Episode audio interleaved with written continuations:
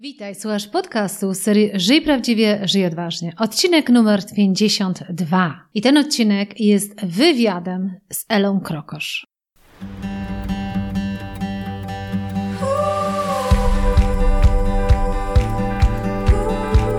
Witaj w serii podcastów Żyj Prawdziwie, Żyj Odważnie. Ja nazywam się Ela Krokosz i od 20 lat zajmuję się tym, co jest moją pasją rozwojem potencjału ludzi. Dzięki pracy z tysiącami osób w wielu krajach wiem, że w nas jest dużo większy potencjał niż nam się wydaje. Moją rolą jest pomóc ludziom dostrzec ich potencjał, a potem zrobić wszystko, aby go wykorzystali.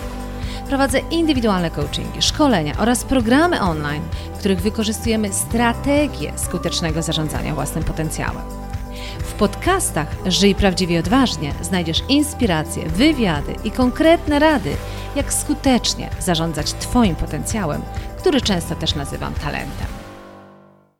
Cóż za ciekawy tytuł, prawda? Odcinek podcastu, w którym będzie wywiad z Elą Krokosz i kto go poprowadzi? Ela Krokosz, czyli mój wywiad z samą sobą.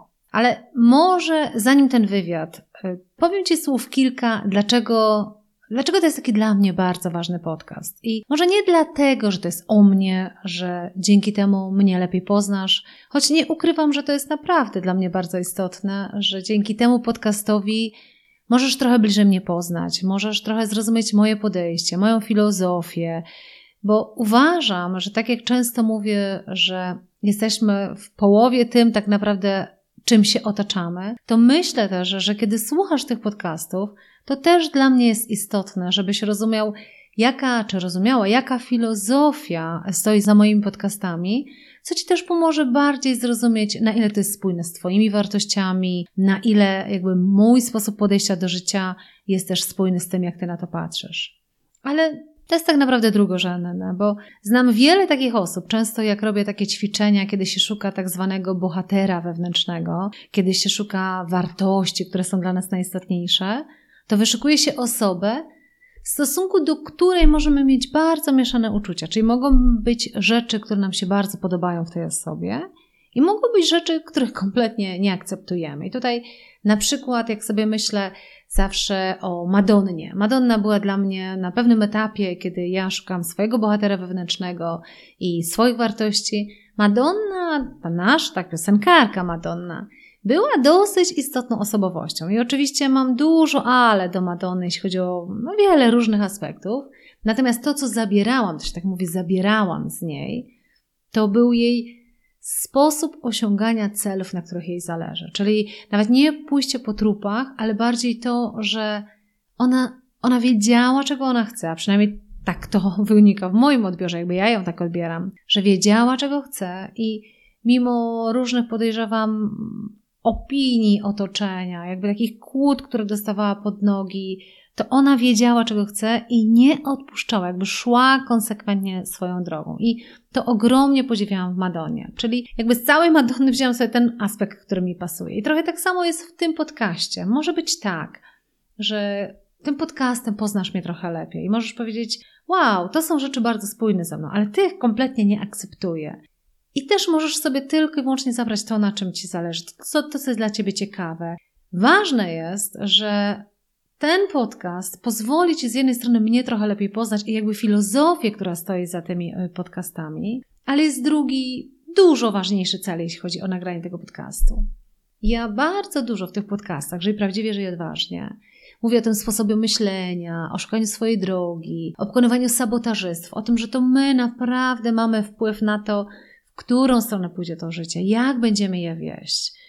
Zazwyczaj opowiadam o takiej wiedzy merytorycznej, czyli jak to zmieniać, jak zmieniać przekonania, jak szukać swoich sabotażystów. Natomiast od pewnego momentu zaczęłam tworzyć też serię wywiadów, co myślę, że już e, e, pamiętasz. Jeden podcast merytoryczny, drugi jest takim praktycznym pokazaniem, jak to robić, jak to wdrażać, jak pokonywać tych sabotażystów, jak mimo trudności jednak wielkie albo ważne dla ciebie rzeczy realizować. I pomyślałam sobie, że w takim razie może ja się z Tobą podzielę takimi kilkoma momentami trudnymi w moim życiu, gdzie jakby ten wewnętrzny sabotażysta, czy ta sytuacja, która się e, na mnie, że tak natrafiła, tak można powiedzieć, jak ona jakby wpływała na moje życie I jak ja sobie z tym radziłam?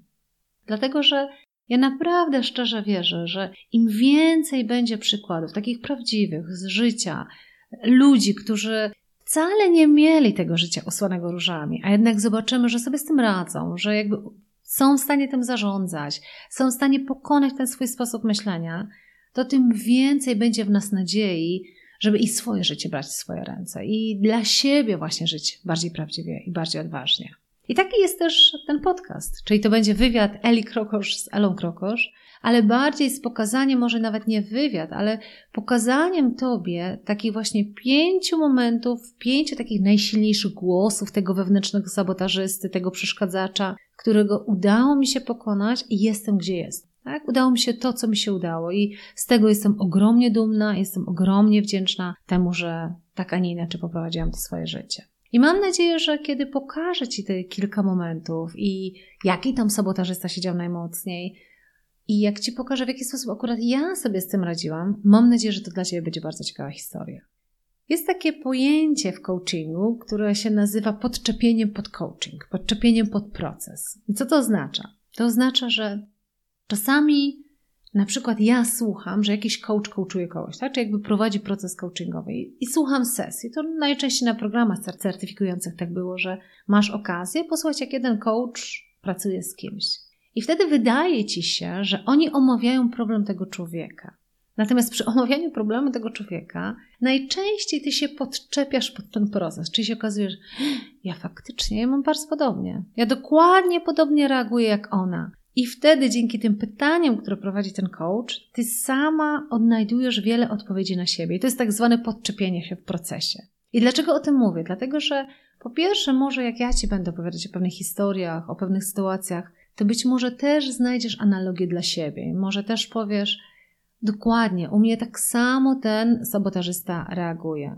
I wtedy być może dzięki temu, jak ja ci opowiem, jak ja do tego podeszłam, może to będzie dla Ciebie też podpowiedź właśnie, jak w takich sytuacjach Ty funkcjonujesz, jaki jest Twój sposób na radzenie sobie z tym sabotażystą. Albo może też być tak, że dalej ten wewnętrzny sabotażysta w Tobie siedzi i to jest dobry moment do tego, żeby właśnie słuchając e, tego mojego procesu, znaleźć odpowiedź dla siebie.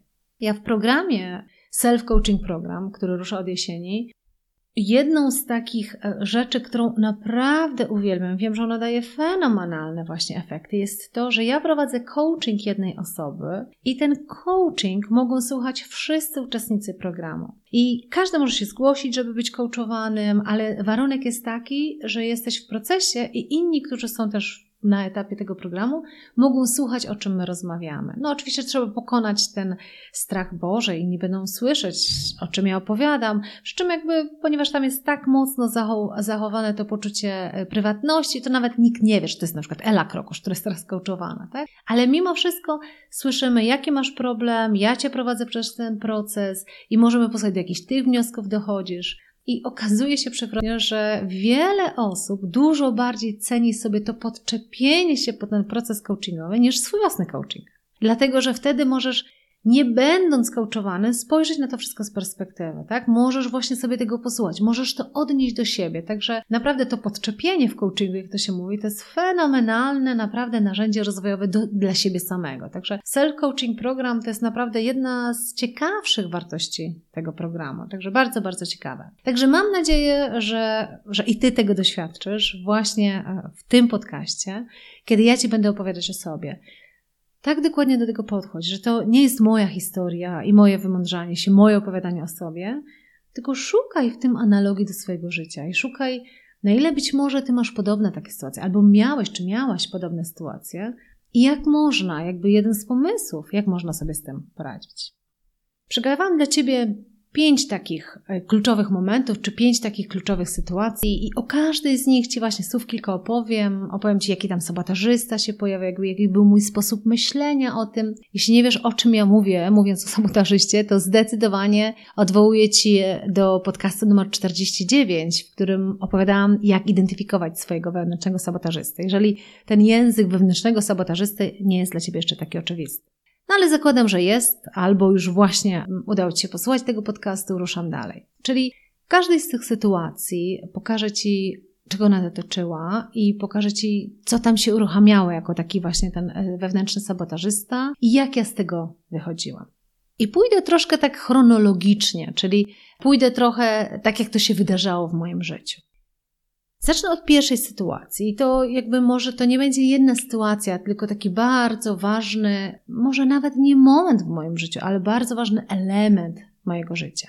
Ja kiedyś w jednym z podcastów wspominałam w tym podcaście, kiedy pokazywałam, jak zmieniać swoją przeszłość, że moja mama, jak miałam 5 lat, zachorowała. I to nie była prosta choroba pod tytułem takim, że chorujesz na wątrobę i ją wyleczasz, tylko to była choroba stała. I tej stałości były okresy lepsze, gorsze. E, kiedy były okresy lepsze, to nawet nie wiedziałeś, że jest choroba. Kiedy były okresy gorsze, to moja mama zachowywała się w sposób, który był dla mnie niezrozumiały. I teraz Pomyśl sobie, ja mam lat pięć i mam mamę, którą kocham nad życie. Jeszcze jak sobie wyobrazić dla dziewczynki, mama to jest no, no coś najważniejszego w życiu, jeszcze na tym etapie. I nagle moja mama zachowuje się w sposób, który jest dla mnie kompletnie niezrozumiały. Jest taką obcą kobietą, nie ma w niej tyle czułości dla mnie. Ja jako dziecko, ja kompletnie nie rozumiem, że to jest choroba. Ja to po prostu muszę sobie jakoś zinterpretować. I ten etap choroby trwał bardzo długo, jakby bo to jest choroba już trwała, właśnie okres lepszy, gorszy, był okres, kiedy przez rok nie było żadnego epizodu choroby, były lata, kiedy były dwa czy trzy takie epizody w ciągu roku, także to bardzo różnie się układało. Ale w każdym razie, co jest istotne, mam lat pięć, czyli jestem małą dziewczynką. Mam tutaj nagle do czynienia z czymś czego nie potrafię w ogóle zrozumieć. To dotyczy mojej najbliższej osoby, która jeszcze chwilę temu była dla mnie cudowną mamą, a teraz jest kimś takim, jakimś innym. I bardzo długo to było naprawdę bardzo trudne dla mnie doświadczenie. Ja pewnie, jak na dzień dzisiejszy, z perspektywy tyle lat później, 40 lat później, nie mam lat 45, kiedy sobie o tym myślę, to podejrzewam, że ja nie byłam sobie z tego w stanie nawet zobrazować, jakby wytłumaczyć, co to tak naprawdę oznacza. I nawet pewnie nie wchodziłam tak mocno w to, jak to tak naprawdę wpłynęło na moje życie. Ja musiałam sobie to mocno przepracować, naprawdę się nad tym zastanowić, co to tak naprawdę oznacza. I myślę, że takim bardzo ważnym momentem, tutaj dla mnie kluczowym, takim bardzo ważnym sposobem patrzenia na życie, tak bym to nazwała, który teraz rozumiem sobie zbudowałam, to był optymizm. Ja z natury jestem bardzo optymistyczna. I teraz nie wiem, czy ja się taka urodziłam, czy po prostu życie mi w tym pomogło. Co to znaczy, że jestem optymistyczna? Jaki to w ogóle ma związek z tym e, wydarzeniem, jakby z tym etapem w moim życiu? A mianowicie ja to przerobiłam sobie w ten sposób, że ja to rozumiem tak, że jeżeli ja byłam taka mała, jeżeli pojawiały się takie momenty w moim życiu, kiedy najbliższa osoba właśnie kompletnie inaczej się zachowywała, to ja, żeby mieć jakiekolwiek poczucie bezpieczeństwa, jakkolwiek w tym wszystkim funkcjonować, to ja musiałam nauczyć się w tym wszystkim, w tym całym roku, w którym różne epizody się zdarzały, znajdować najlepsze momenty w moim życiu. Czyli nawet jeżeli mama była chora, nawet jeżeli jej nie było, to i tak musiałam umieć patrzeć na swoje życie w ten sposób, żeby je widzieć optymistycznie. Ja na dzień dzisiejszy, ja uważam, że ja dzięki właśnie tej chorobie nauczyłam się mieć klapki na oczach, ale w tym dobrym tego słowa znaczeniu. A mianowicie ja do dnia dzisiejszego tak mam, że jeżeli nawet jakieś złe rzeczy dzieją się na dzień dzisiejszy w moim życiu, jakby już w dorosłym życiu, to ja, mimo oczywiście, że one i tak mnie dotykają, to ja jestem w stanie w tych złych rzeczach widzieć pozytywy. Tak? Czy jakby jestem w stanie z tej rzeczywistości, która w tamtym podejrzanym czasie mnie przytłoczyła, zamknąć klapki i wybrać tylko to, co mi pomaga. Czy jakby widzieć tylko i wyłącznie pozytywne momenty tego mojego życia. Czyli na przykład tylko i wyłącznie sobie myśleć, ale fajnie się można bawić z koleżankami, tak? Albo, ale fajnie można spędzić czas z bratem i z tatą. Ale fajne mam zajęcia w szkole. Ja generalnie, jak pomyślę o dziecku mam, to ja naprawdę byłam szczęśliwym dzieckiem. Mimo, gdzie na dzień dzisiejszy myślę, że to miało ogromny wpływ na mnie i mimo właśnie tych trudnych momentów, ja naprawdę uważam, że ja byłam dzieckiem szczęśliwym. I myślę, że to mnie tak kształtowało, te, te, etapy, ten etap mojego życia, że ja do dnia dzisiejszego, nawet w najgorszych rzeczach, mam te klapki na oczach i jestem w stanie z tej całej czasami przerażającej rzeczywistości, wybierać tylko i wyłącznie to, co mi pomaga, co mnie buduje, co mnie raduje i stąd ten ogromny mój optymizm. Natomiast ponieważ powiedziałam Ci, że chcę Ci też pokazać, jak ja nad tym pracowałam, to ja teraz nawet nie powiem, jak ja pracowałam, przerobiłam ten cały etap choroby mojej mamy. Natomiast chcę Ci coś pokazać. Ja z tamtego etapu zbudowałam takiego jednego wewnętrznego sabotażystę, znaczy pewnie zbudowałam ich wielu, ale takiego jednego, gdzie pracowałam nad tym i wtedy odkryłam, że to jest bardzo mocno powiązane z chorobą mojej mamy. Taki wewnętrzny sabotażysta, który funkcjonował w ten sposób, że kiedy wchodziłam w jakiekolwiek towarzystwo, ja w ogóle raczej byłam wygadaną, odważną osobą, ale gdzieś jednak ciągle potrzebowałam tej aprobaty, jakby tego, żeby mnie lubili, e, żebym się dobrze czuła w tym towarzystwie. I miałam taką rzecz, która mi faktycznie e, przeszkadzała na etapie pewnego mojego rozwoju. Ja dokładnie to odkryłam, nazywałam, że to jest właśnie takie przekonanie, taki wewnętrzny sabotażysta, gdzie jak ja wchodziłam w jakieś środowisko, nawet znajomych, i nagle się okazywało, że ktoś się śmieje, nawet trochę się naśmiewa ze mnie, tak? Jakby trochę sarkastycznie. I ja się też z tego śmieję, mimo że mi w ogóle nie jest do śmiechu. Bo wiesz, jest kompletnie inaczej, kiedy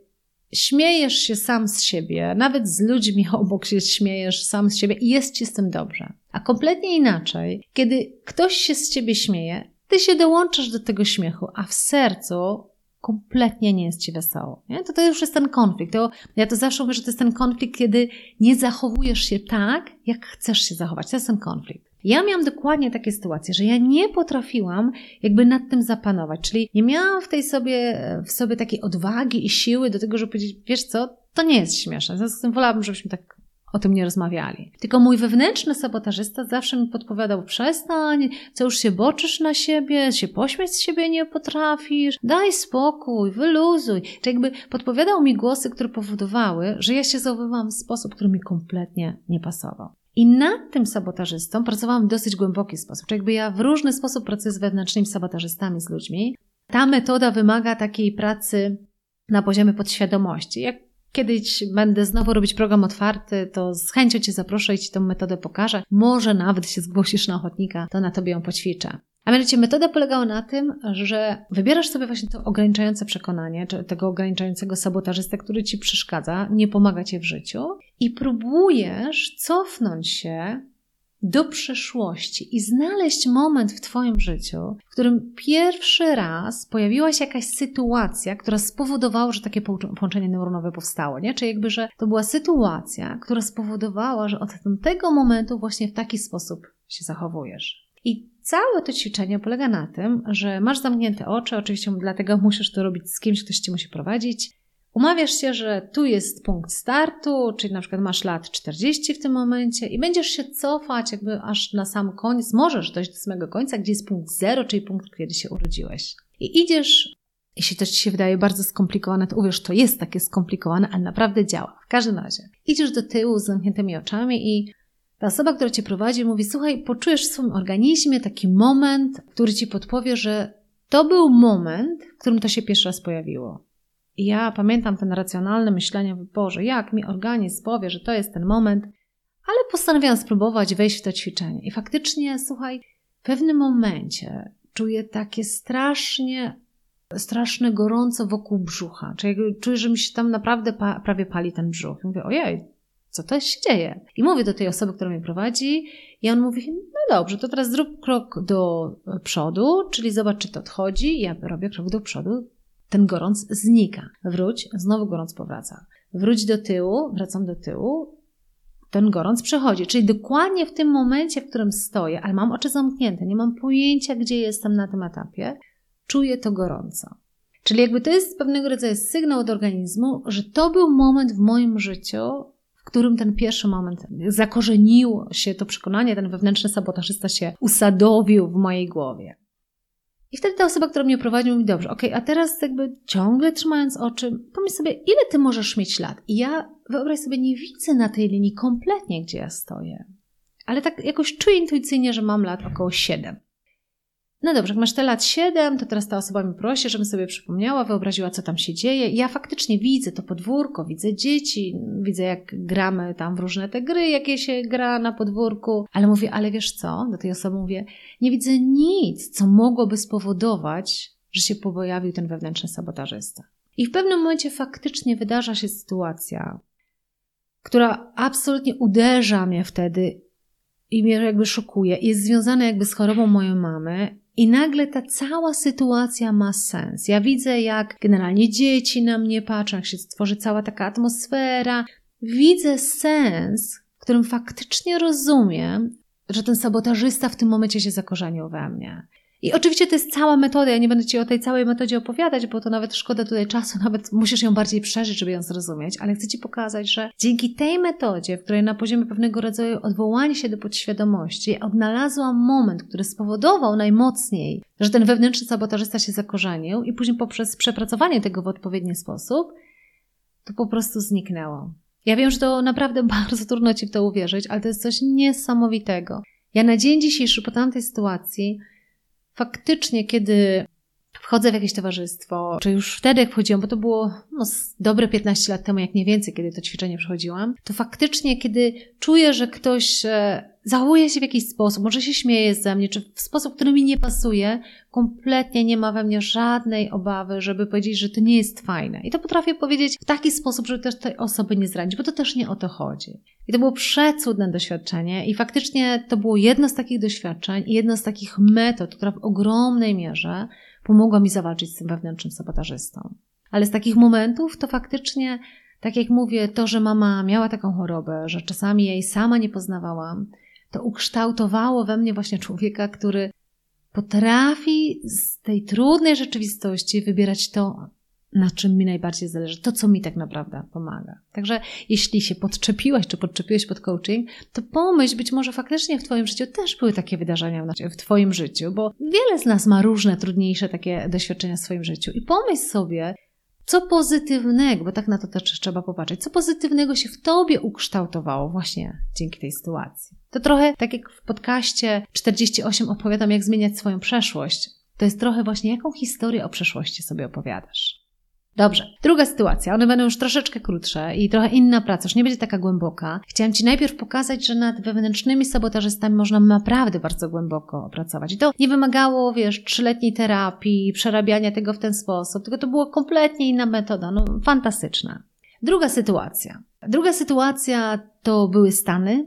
Ja w 98 roku pojechałam na taki program, o którym już nieraz wspominałam, Globalna Wioska dla przyszłych liderów. Ja dostałam stypendium, to był dwumiesięczny program. Ludzie z całego świata, ponad 60 osób, z ponad 30 krajów. Ja dostałam wtedy to stypendium, no bo gdzie, gdzie było mnie stać wtedy na to, żeby zapłacić ponad 8 tysięcy dolarów za cały mój pobyt, jeszcze do tego dodając bilet przelotu i tak dalej, i tak dalej. Moich rodziców też nie było na to stać. W każdym razie dostaję to stypendium i no program okazuje się fantastyczny, ale ja gdzieś z tyłu głowy mam, aha, zobacz, wybrali cię jako jedną, bo tam z każdego kraju ileś tam tylko osób pojechało. Z Polski wtedy i tak byliśmy liczną reprezentacją, bo było nas pięcioro, ja byłam jedyną kobietą. I jeszcze chyba tylko dwie osoby miały z naszej grupy e, stypendium.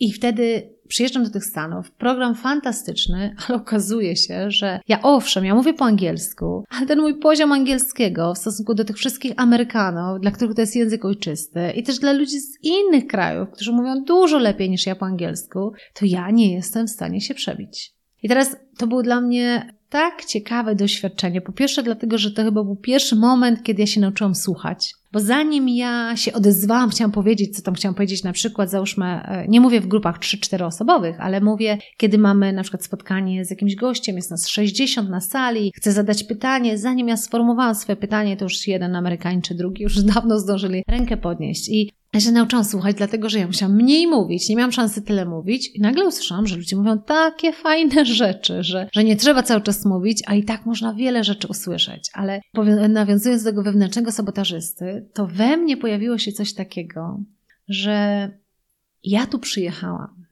zostałam wybrana. Za mnie ktoś założył, dał ponad 8 tysięcy dolarów, żebym ja była na tym programie. A ja nie potrafiłam znaleźć swojego wkładu w ten program. Mój wewnętrzny sabotażysta mówi tak, no zobacz, popatrz, mówiłem, źle wybrali. Popatrz, wybrali cię, ty się nawet odezwać nie umiesz. Nie?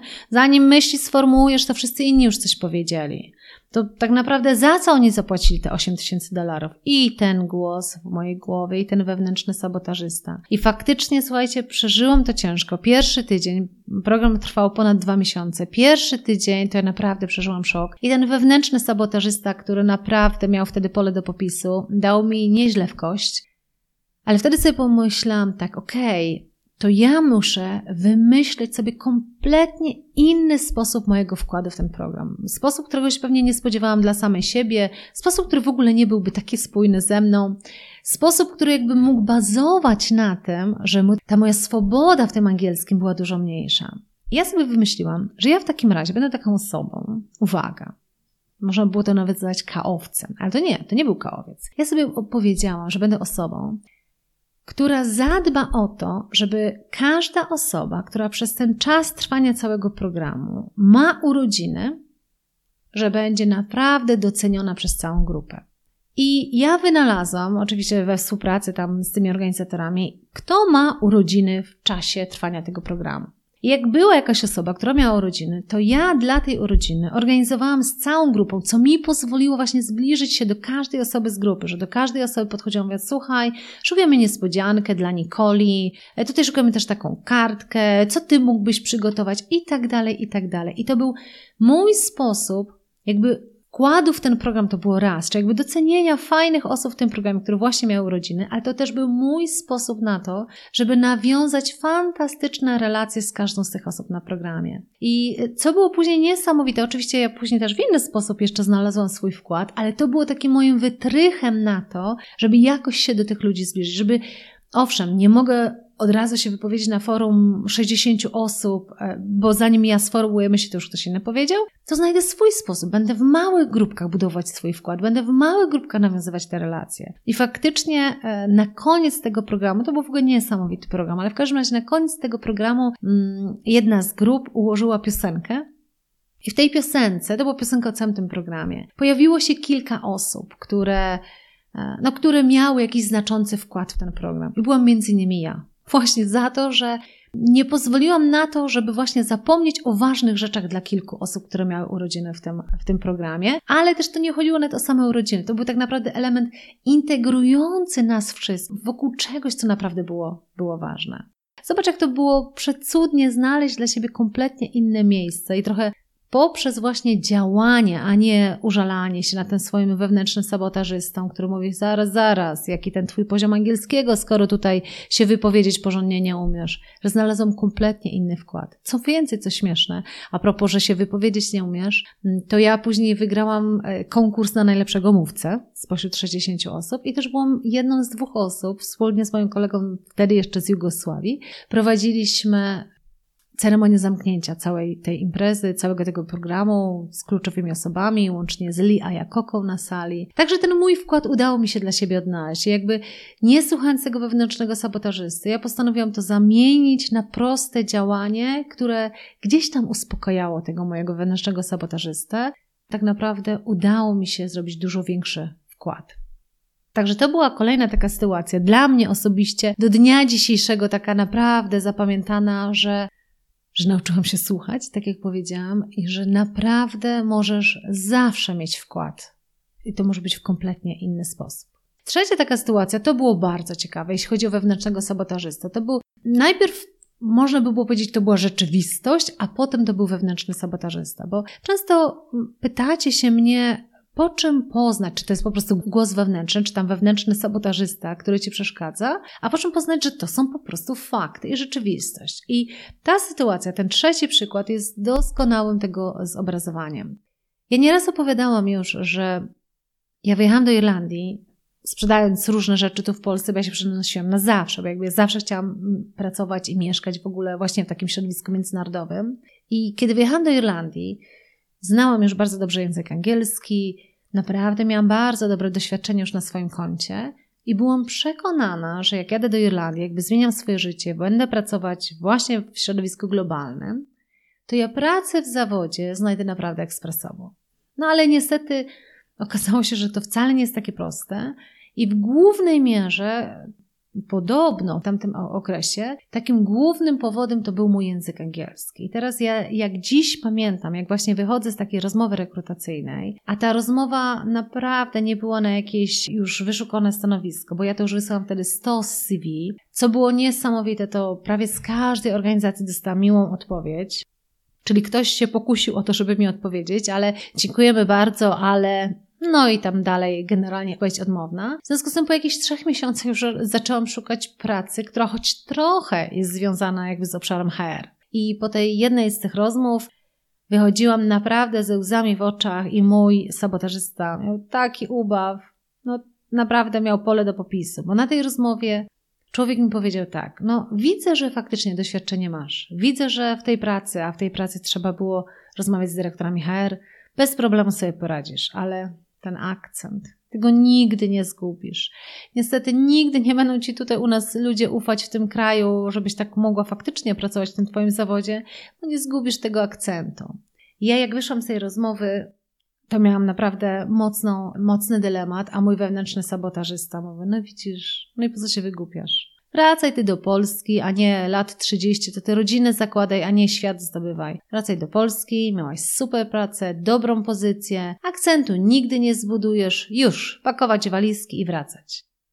Ja wtedy nie wróciłam, ja wtedy zostałam w Irlandii, ja poszłam do innej pracy po to, żeby pracować nad akcentem, którego niestety albo stety nigdy nie zgubiłam, bo zgubić akcent to jest naprawdę majstersztyk, jeśli chodzi o język. Przynajmniej dla mnie, może dla ciebie jest to prostsze. Ale ten wewnętrzny sabotażysta siedział we mnie prawie dwa lata i mi mówił: Daj spokój, pamiętasz? Twój akcent nie pozwoli ci szkolić.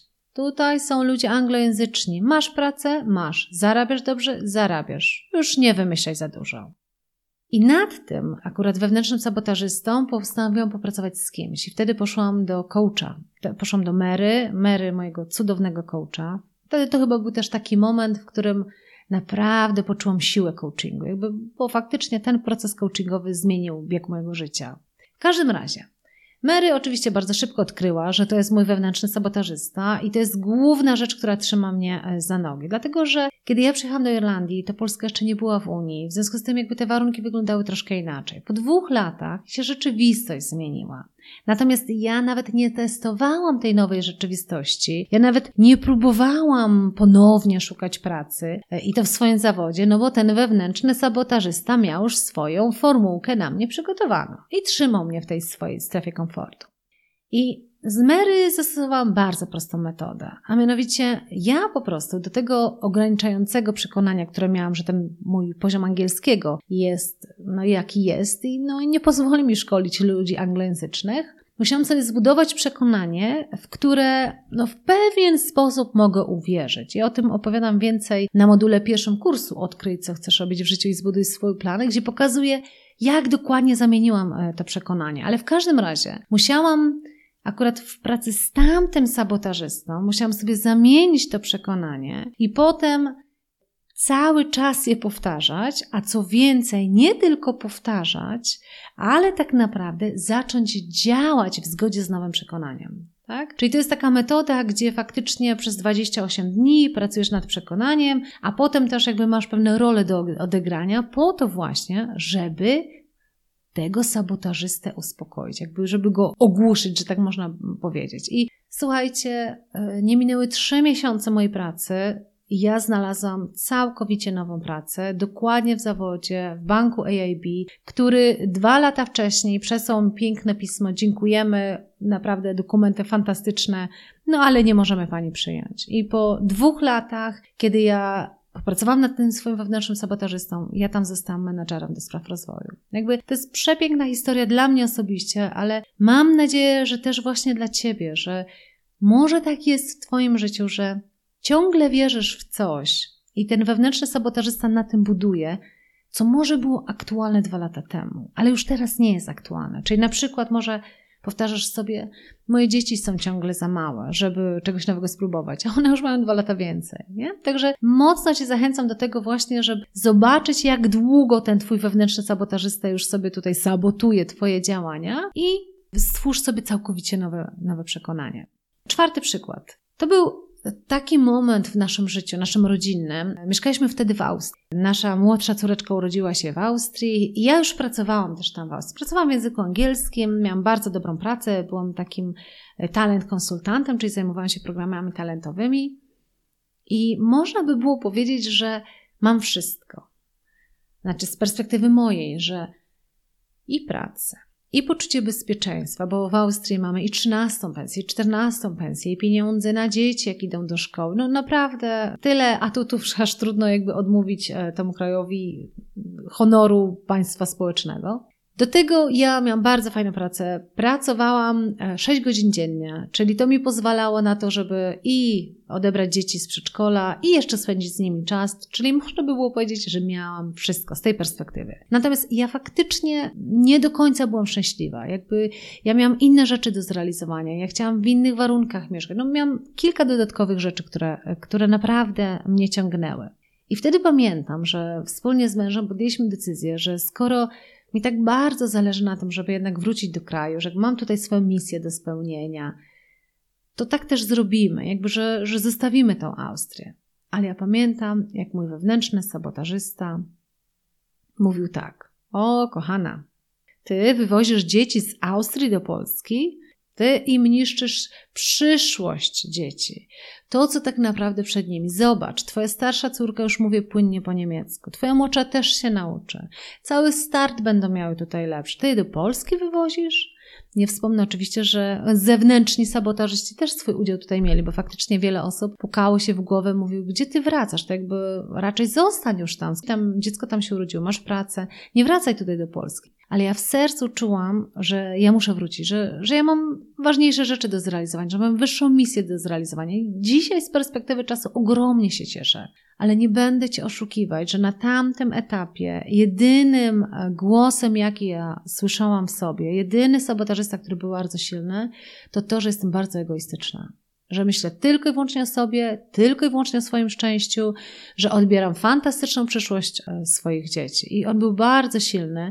I co Ci też chcę powiedzieć, że to nie jest czasami tak, że tego wewnętrznego sabotażystę pokonujesz w ciągu miesiąca. Ja myślę, że on mnie tam trzymał co najmniej rok dłużej. Czyli gdyby on nie był taki silny, to ja pewnie rok wcześniej bym wyjechała. I jakby mm, przyniosła swoje życie tutaj rodzinie, byśmy się inaczej ułożyli ale on był tak silny, że ja przez rok czasu faktycznie miałam rozdarte serce, bo moje serce chciało czegoś innego, ale wewnętrzny sabotażysta był tak strasznie silny, a jak pewnie sobie wyobrażasz, dla matki uderzenie jakby w jej piętę achillesową pod tytułem odbierasz przyszłość dzieciom, coś ciebie za matka, jest tak trudne, że to mi rok czasu zajęło.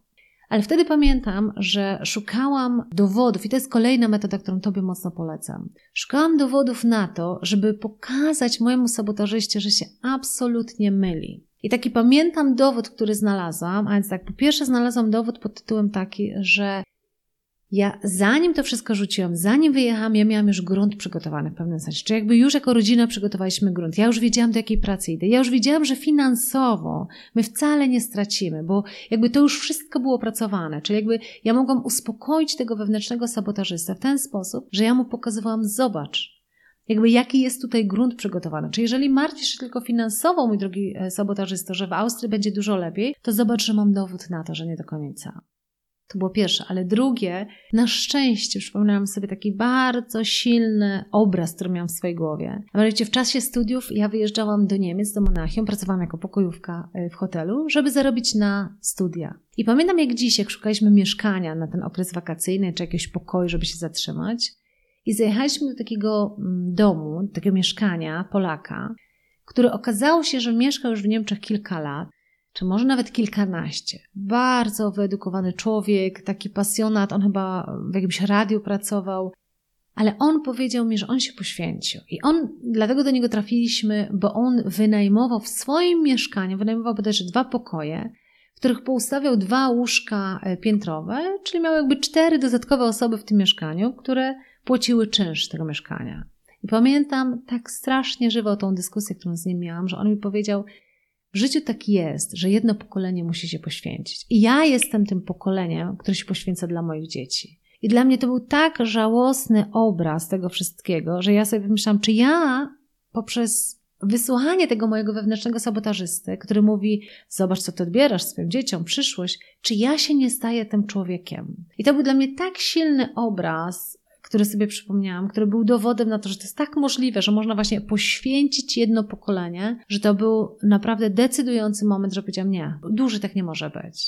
Ale to był naprawdę rok czasu bardzo aktywnego mojego wewnętrznego sabotażysty. I ostatni przykład. On jest e, taki fajny, związany jakby z płcią, z tym, że jestem kobietą. Może nie jest chronologiczny, ale faktycznie towarzyszył mi od samego początku mojej kariery zawodowej.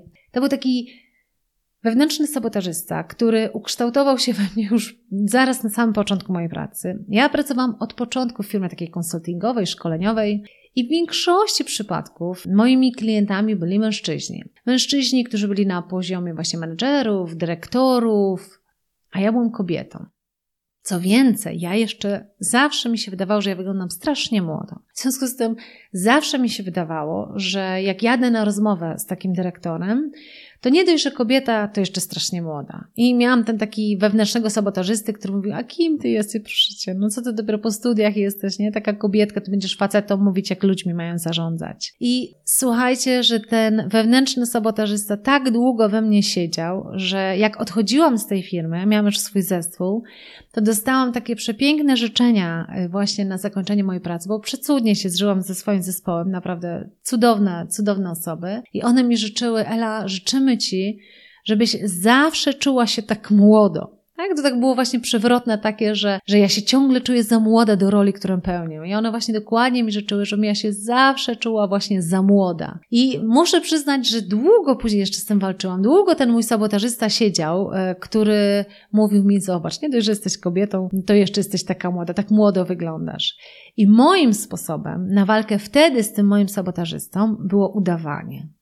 A mianowicie za każdym razem, jak ja jechałam do klienta, to ja byłam poważniejsza niż potrzeba. Ja nawet miałam wtedy włosy czarne, no bo wiecie, blondynka, na dzień dzisiejszy jestem blondynką, to by mi jeszcze bardziej utrudniało to życie. No jak blondynka, kobieta jeszcze próbuje tutaj uczyć facetów, nie, to jest w ogóle niemożliwe. I ten mój sabotażysta był tak doskonały, że powodował właśnie to, że ja naprawdę niezłą rolę odgrywałam. Czy udawałam dużo poważniejszą. Jak mężczyźni się śmiali na spotkaniu, to ja się nie śmiałam, no bo jak ja się zaśmieję, to znaczy, że jestem taką właśnie kobietką, która się śmieje. I to, jak dzisiaj na to patrzę, z perspektywy czasu, to jest takie zabawne. Teraz mogę się faktycznie z tego pośmiać. Ale na tamtym etapie, e, uwierzcie mi, e, to na koniec właśnie podaję taki trochę lekki przykład, który właśnie był związany z byciem aktorką przeze mnie, ale uwierzcie mi, że to fenomenalnie działało. Ja naprawdę miałam fenomenalne wyniki w sprzedaży. Do dnia dzisiejszego wielu z tych klientów jest moimi klientami, czy prywatnie się znamy. No naprawdę to dało fenomenalne efekty, ale Moją metodą na pracę z wewnętrznym sabotażystą nie było wcale pokonywanie go w jakikolwiek sposób, tylko było granie roli innej niż ten sabotażysta mi podpowiadał. Bardzo ciekawy etap w moim życiu. Także tyle z mojej strony. Mam nadzieję, że podobał Ci się wywiad Eli Krokosz z Elą Krokosz. I tak jak mówię, nie najistotniejsze jest to, jak moje życie się potoczyło. Nie najistotniejsze są dokładnie moje przykłady, bo Ty masz swoje. Natomiast po to nagrałam ten podcast, żeby Ci pokazać e, nie tylko siebie jako człowieka, ale żeby Ci pokazać, że za każdą historią stoją wewnętrzni sabotażyści. Za każdą historią stoją różne trudne sytuacje. I naprawdę my mamy ogromny wpływ na to, w jaki sposób do tego podejdziemy, jakie przekonania wybierzemy, jak będziemy pracować z naszym wewnętrznym sabotażystą.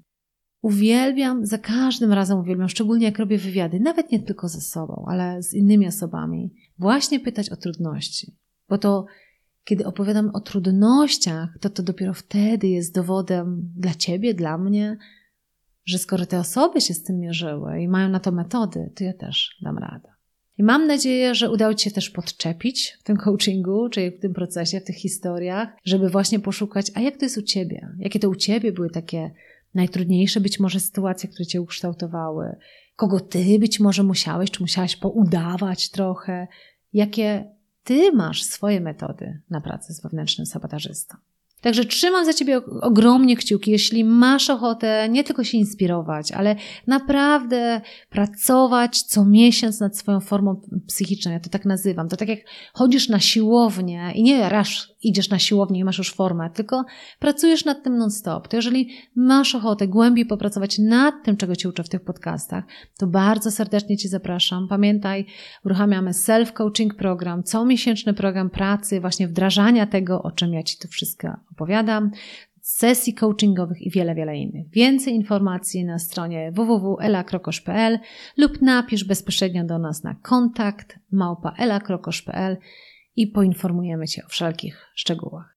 Jeżeli chcesz się dowiedzieć więcej na temat Self-Coaching Program, z którym, tak jak wspomniałam, ruszamy późną jesienią, to zapisz się na listę osób zainteresowanych i obiecuję, że jak tylko będziemy już wypuszczać informacje dokładnie o programie, to na pewno do Ciebie napiszę.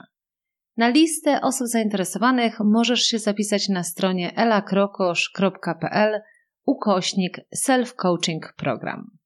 Dziękuję Ci bardzo serdecznie. Cudownego tygodnia Ci życzę. Dziękuję Ci za wysłuchanie tego podcastu i wszystkie pozostałe podcasty znajdziesz na mojej stronie www.elakrokosz.pl. Pamiętaj, wszystko zaczyna się od tego, aby wiedzieć, czego naprawdę chcemy od naszego życia, aby wiedzieć, jak chcemy żyć. I co zawsze podkreślam, nigdy nie jest za późno w naszym życiu, aby zatrzymać się i określić naszą drogę raz jeszcze.